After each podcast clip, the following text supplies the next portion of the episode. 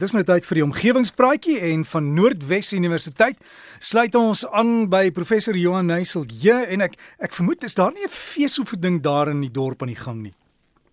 Goeiemôre Derrick, môre al die omgewingsvriende. Ja, kyk Derrick, Potchefstroom is besig om reg te maak. Aardklop is op pad, so dit is ons een groot gebeurtenis hierdie jaar. So, ehm um, mens voel hom so aankom al. Ek ek het 'n boodskap van jou gekry dat ons vandag so klein bietjie gaan gesels professor oor dorpies wat goed doen.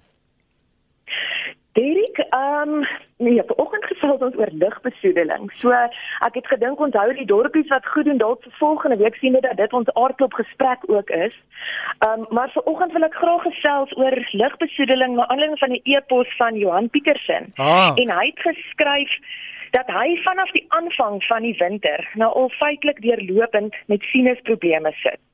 So hy wil weet wat onlangse studies toon oor lugbesoedeling in groot stede en wat ons huidige stand van sake is, want sy vermoede is dat hierdie sinus simptome baie te doen het met die kwaliteit van lug en dit wil vir hom voorkom asof hierdie simptome erger is in die winter en op windstil dae. Mm -hmm. En Erik, soos jy nou weet, Johan se vermoede is reg want lugkwaliteit het 'n baie groot impak. En ons ook heelwat nuwe studies wat wys hoe mense toenemend siek word en siek bly omdat lugbesoedeling vererger. Nou in die verlede weet ons al baie navorsing gedoen wat gewys het dat lugkwaliteit die simptome van asma kan beïnvloed, maar nou meer onlangse navorsing wys dat dit nou ook die die saak is en dat lugkwaliteit 'n direkte impak op die sinusse het. Nou, hierdie navorsing is gedoen deur die John Hopkins University School of Medicine waar hulle hulle navorsing toegepas het op muise wat natuurlik voor die tyd eers deur 'n uitgebreide etiekproses moes gaan.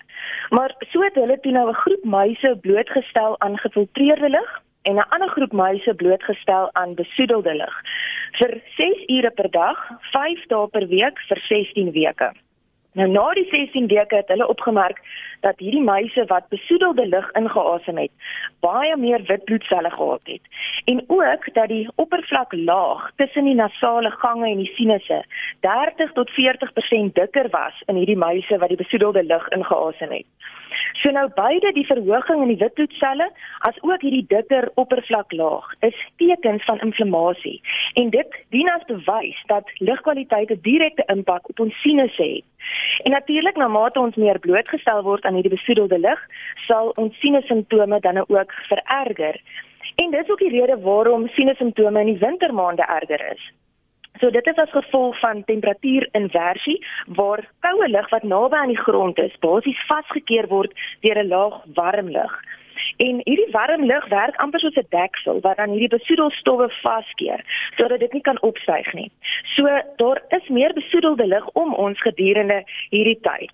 Maar dit is weer dis 'n wêreldwye probleem omdat lugbesoedeling bly toeneem en die Wêreldgesondheidsorganisasie reken dat 80% van mense wat in stedelike gebiede bly, lug inasem wat nie voldoen aan hierdie veiligheidsriglyn nie.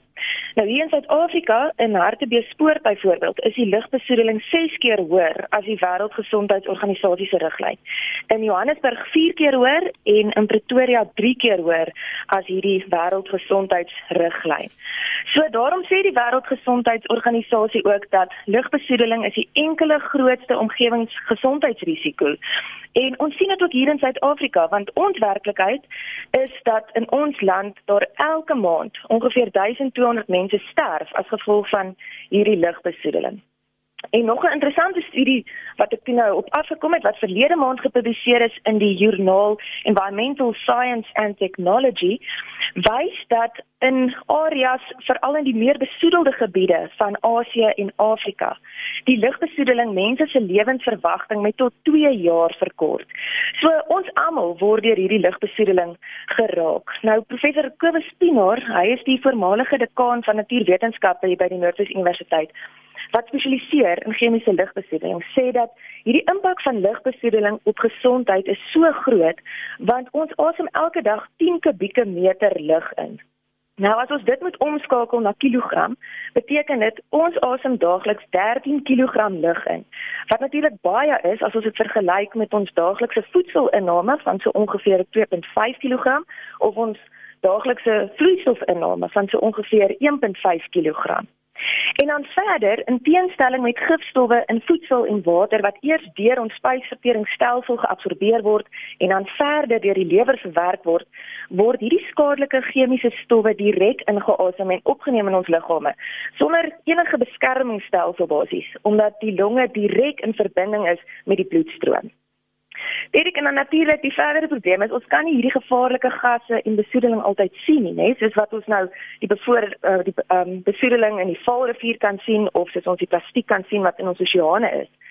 En daarom is dit ons regtig goeie nuus dat soos ons nou verlede week gesels het dat daar nou tegnologie ontwikkel word wat stede kan help om hierdie onsigbare besoedeling te meet en te dokumenteer sodat ons kan weet waar intervensie gepleeg moet word en waar stede um, hulle koolstofvoetspoor dan nou moet verminder.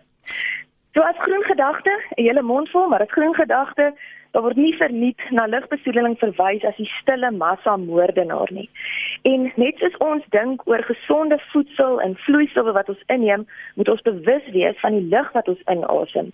En ons as omgewingsvriende is verantwoordelik, nê, om net soveel druk uit te oefen vir skoon lug soos wat ons uitoefen vir skoon water, want op die ouend is lugbesoedeling is dit iets wat alle fasette van ons menswees en van ons omgewing raak.